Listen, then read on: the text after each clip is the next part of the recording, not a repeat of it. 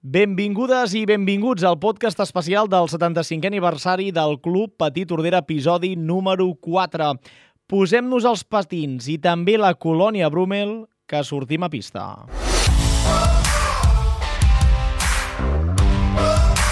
De l'estic i del patí enamorats, el podcast del 75è aniversari del Club Petit Tordera. Què tal, com esteu? Salutacions novament. Avui aquest episodi tindrà molta relació amb la consecució del títol que va marcar un abans i un després al Club Petit Tordera. Enguany, de fet, fa 35 anys de l'aixecament del trofeu europeu de la Copa de les Cers, una competició que es resistia, que s'ha resistit i que, de fet, el conjunt tordarenc s'hi hagués pogut sumar com a bones totes les vegades que ha quedat segon, seria, sens dubte, un dels equips catalans d'hoquei patins que més títols europeu tindria el seu palmarès. El destí, la sort esportiva, només ha volgut que només en tinguem una a la vitrina del parroquial. Precisament analitzarem i posarem veu en aquest moment brillant de la història d'hoquei amb el capità d'aquell equip que va aconseguir aquest títol. Una persona que no ens deixarà res indiferents després de tot el que ha viscut amb aquest esport. Estem parlant d'Eduard Tresserres, és el nom propi d'avui. Bueno, per mi va ser una cosa molt especial, perquè en la nostra època, quan van començar, jo no, no, jo no em sentia un jugador de hockey patins, jo em sentia Tordera i era els peus i les mans de la gent de Tordera. I per això hi havia aquesta connexió. Vull dir, ara avui són jugadors de hockey patins que juguen a Tordera. Nosaltres no, nosaltres érem la manifestació del poble, érem la gent de Tordera. I això és una situació que en aquells anys és de molta gratitud, perquè hi havia molta gent, gent de la fibra color, treballadors, emprenedors, tothom que estava allà al pavelló, tot eren uns, i nosaltres érem l'expressió d'allò que volíem ser. O sigui, era una casta de poble, de dir, en el sentit de dir, ostres, nosaltres som un poble petit i anem a jugar por ahí i amb, amb els colors del Tordera, amb la bandera catalana, penso una cosa que amb, amb la camisa del Tordera, que té les quatre barres, ara fa, fa uns 10 anys, el Barça de futbol comença a jugar amb la camisa eh, de, de, de Catalunya, amb les quatre barres. Però ens hem de traslladar a tants anys enrere, anar a pistes d'Espanya, amb la bandera catalana, el que era. Això sí que tenia mèrit. Doncs aquesta situació, nosaltres érem com si Tordera estés allà. No érem jugadors de hockey patins que vestíem la camisa del Tordera, sinó era Tordera.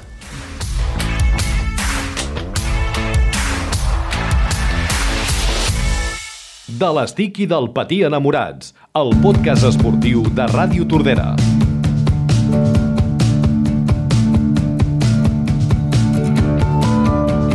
Defensa, capità de l'equip de la Copa Cers, entrenador i també president de l'entitat dins de la Junta Gestora 99-2000, en alguns moments convulsos i diferents que avui recordarem i que potser molts de vosaltres ni el sabíeu.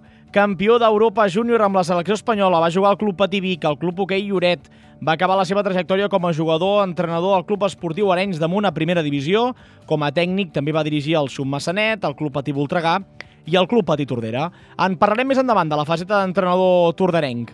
Pel que fa a la seva filosofia d'entendre l'esport, Teres Serres també té clar com pots arribar a ser un bon jugador. La, la llavor d'allò, aquella importància que tenia que deixa't estar de l'estic, patina perfecte. Quan patinis perfecte, agafa l'estic. I avui dia la gent fa al revés. Primer agafa l'estic i llavors aprèn a patinar amb dos secrets claus per arribar a aconseguir l'èxit i els capítols gloriosos del Club Tordarenc. Hi ha dos secrets en aquí. Hi ha un secret que és això, que és que érem una colla i ben avinguda, i llavors hi ha també la, un secret tècnic, no? que, que és a dir, nosaltres en tinguem una persona que és molt important, que va ser molt important per nosaltres, eh, en Josep Riera, que és el que ens, ens entrenava. No? Aquesta persona va tinguer la visió de que per, per jugar a hockey de lo més important era patinar bé i ens apuntava a patinatge artístic i nosaltres dèiem, hosti, patinatge, jo no vull pas patinatge artístic, tu amb els braços en l'aire, dic que, que, que, que a mi no me va, a mi donem un pal a la mà i, i però, aquell home tenia obsessió en que si volíem jugar bé a hockey havíem de fer patinatge artístic i havíem de ser grans patinadors, perquè clar, tu et mous eh, amb una superfície que no controles, com vols fer els braços i les mans i la mirada i si no controles el, el, que, te, el que toca a terra, no? Llavors tenia, vam tenir aquesta visió i llavors era un home que era molt estricte amb els horaris i amb els entrenaments i, que, pues, que ens, i nosaltres pues, que ens agradava i ell, que era un fanàtic de, de, de l'entrenament i de l'esforç, l'entrenament i l'esforç, pues, esclar, tot això amb el temps, amb el temps, pues, i que érem una colla, va portar que nosaltres vam guanyar tots els títols que hi havia de totes les categories. Quin era el discurs per poder afrontar la por al debut en aquesta nova categoria de divisió d'honor? Quin era el missatge que repetien dins del vestuari per poder també repetir els bons resultats? Pues va ser molt emocionant i llavors també era una, una situació que deies, bueno, eh, aviam, competien per guanyar campionats d'Espanya són del nostre edat. Per tant, eren els que nosaltres havíem de jugar al cap d'uns anys. I llavors pensaves, bueno, si els has guanyat 5 anys darrere, també els pots guanyar ara. I això ens donava molta confiança. I clar, nosaltres al jugar a Divisió d'Honor, doncs deies, mira, aquest equip, però aquest equip sí que aquest equip era molt reconegut, el Tordera no, però qui té de jugadors? Aquest, però si aquest el van guanyar el campionat d'Espanya, qui té l'altre? Ah, però, doncs, escolta, ja hi anàvem tots enfilats. I llavors hi havia allà el topall del Barça, que el Barça sí que tenia un nivell pues, pues, brutal i que no, no vam ser capaços aquell primer any, que era l'any que haguéssim pogut guanyar, no vam ser capaços de tombar-los.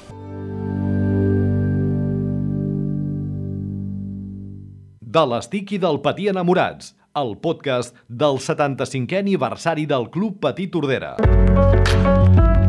L'Eduard Tresserres també destaca i recorda dos noms propis que van fer coses importants per l'execució i la consolidació del Club Patí Tordera. Uh, una persona va ser en Pere Camps, que havia sigut el que anava amb els autocar, que ens conduïa, era el nostre mecànic, eh, era una mica la persona pues, així, és un tio, un tio dur, un tio que pues, també ens ajudava, si cas havia una mica de follon, però va fer una cosa molt important que poca gent sap, és que la pista de l'amistat era molt petita, tenia molt pocs metres quadrats. Nosaltres volíem una pista gran i no hi havia diners. Eh, llavors, en, en, en Peter Camps va fer que ell era capatàs de l'autopista, tenia treballadors de l'autopista, va portar treballadors de l'autopista per fer la pista gran. I llavors ens podem dir que en Pere Camps va ser el responsable de que nosaltres a primera divisió poguéssim jugar amb unes mides de pista eh, que és el 20 per 40. I llavors el segon escull va ser que pujar a divisió d'honor havies de tenir cobert. I aquí sí que el rector, eh, mossèn Joan Solà Triador, que era una persona, un aficionat a l'esport brutal, un aficionat del Tordera, al Barça, eh, va ser capaç, eh, no, sé de quina manera, suposo que amb la complicitat d'emprenedors de, de, de, de Tordera, de la construcció, també era un home que explicava molt bé, que donava molta confiança, com que aquell terreny doncs, era, era seu perquè era de la parròquia, doncs clar, llavors va aconseguir el finançament, no, no, no sé exactament com, però van fer aquest teulat. I, clar, només era un teulat, que era l'exigible per la Federació Espanyola. Anem a entrar a la pista del parroquial o de qualsevol, però l'Eduard Tresserres, el defensa, no tenia manies quan estava dins la pista, però tenia, això sí, una cosa molt clara. I, a més a més, també li posaven alguna cosa a l'estic. No, manies no en tinc. Jo el que sí tenia una cosa, que és que mai havia posat protecció a les parts. El que et diuen la collonera, no? Sí, jo no m'havia sí. posat mai. Això era una cosa, però vull dir que no, no, no, jo sempre tenia, una, sempre tenia un, una obsessió en el cap, que és que si tens por no t'hi posis. I jo sempre deia que feien, que feien mal els que tenien por, que la gent que no tenia por no li fan mal perquè et vas amb els ulls oberts, mires, saps sempre on està la pilota, saps sempre on està el pal del... El que té por, com hi ha una situació crítica, tanca els ulls, i llavors no pot controlar on te va la pilota. Llavors, sempre solen fer mal en els que tenen por. Jo, en aquells moments, no era el meu cas, jo no tenia por. Eduard Tresserres i les seves frases mítiques de l'entrevista que hem pogut eh, gravar i que vam poder enregistrar. Una d'elles, aquesta. Que la gent s'obsessiona més del compte amb que els nanos han de jugar a hockey i han de ser bons i han de fer no sé què. I el temps l'han d'invertir davant dels llibres, no davant del hockey. I això, jo com tenia nanos petits, els meus i els altres, jo els hi deia, deixeu estar, que això és una pèrdua de temps Vull dir, no, deixeu, que estiguin, que entrenin, que facin un esport està bé, però oblideu-vos, el hockey ja no és el que era abans. La gent eh, una mica té el problema de que les seves frustracions vol que els seus fills els hi resolguin. El que no han pogut fer ells volen que el seu fill ho faci en una pista. I estan pressionant molt i jo ho veia, com estaven allà, que estava a la Junta i veiem els pares, i a mi me sabia greu, i jo pensava, dir, hòstia, però si han d'estar amb els llibres aquests nanos, no pas jugar amb el juvenil, amb el júnior, amb el primer gran, amb el segona catalana, tot el dia. Això, això per mi és fatal. I anem a una data concreta. 17 de desembre de l'any 2000. Tordera Vilafranca, el Tordera era durament castigat per la Federació de Patinatge fins a l'extrem que les mesures disciplinàries gairebé hipotecaven el futur a la Lliga. Arran de l'agressió que va patir l'àrbitre del partit d'hoquei que enfrontava l'equip de Tordera amb el Vilafranca, van ser sancionats el president del club. L'entitat esportiva, a més, va ser multada i la pista tancada temporalment i la majoria de jugadors van ser suspesos durant quatre partits. Sanció de 9 anys per l'Eduard. Ell mateix ens explicava aquest episodi. Jo en aquell, si, si hagués pogut borrar-los, doncs els borraria.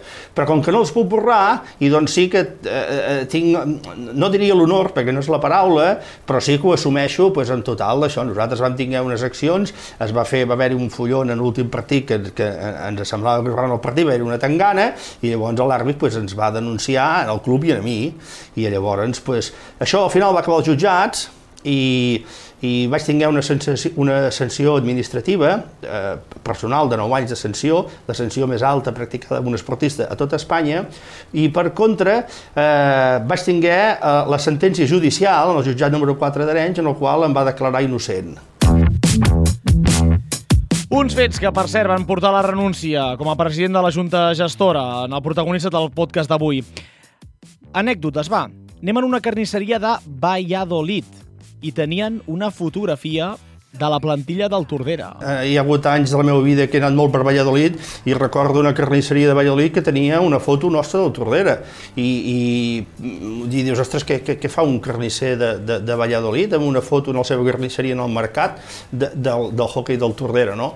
Eh, llavors, pues, era conegut Tordera, la veritat és aquesta, que, que anaves pel món i com deies de Tordera, estos no jueguen a hockey? Sí, dic, ah, molt bé, sí. Vull dir que la veritat és aquesta, que és una, una satisfacció i la veritat que van ser uns anys que nosaltres el hockey el vam disfrutar. Hi ha jugadors, hi ha promocions que no el disfruten, el pateixen. Nosaltres la veritat és que vam estar molt bé, teníem un apoyo de la gent brutal, tot el poble estava amb nosaltres i, i vam disfrutar el que, el que no està escrit. L'Eduard Tresserres, capità d'aquell equip que va aconseguir la Copa Cers l'any 1986 pel Club Petit Tordera, també ha celebrat aquest 75è aniversari de l'entitat. Per acabar, dedica i dirigeix unes paraules a l'afició d'aquells anys compartits, això sí, content de la seva història. Gràcies a tota la gent que ens ha apoyat, hi ha gent que ens ha apoyat que, que, que ens podrà escoltar en aquestes paraules, i hi ha gent que no el Josep Riera, el Pere Camps i altra gent, aficionats, que nosaltres anàvem a fer sopars o anàvem a fer dinars, que malauradament alguns ja no hi són, però una mica que, que, que els anys aquells els van viure amb molta intensitat i vam estar molt contents. Jo estic contentíssim de, de la meva història. N'hi ha que la tenen més bona, n'hi ha que la tenen pitjor, però això és com la vida. Tothom és com és, i jo sóc com sóc, i ben content que n'estic. Fins aquí aquest episodi del Club Petit Tordera. Avui història d'aquella ben eh, pregnada, eh? Moltes dels capítols esportius que també doncs, han lligat bé de la mà l'entitat. Nosaltres ho deixem aquí.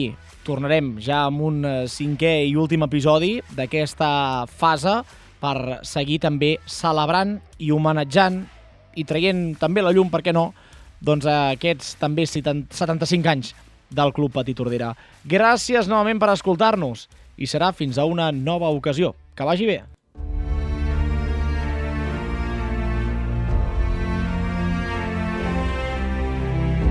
Aquest és un podcast de Joan Martín amb la coproducció de Lluc Carbonell.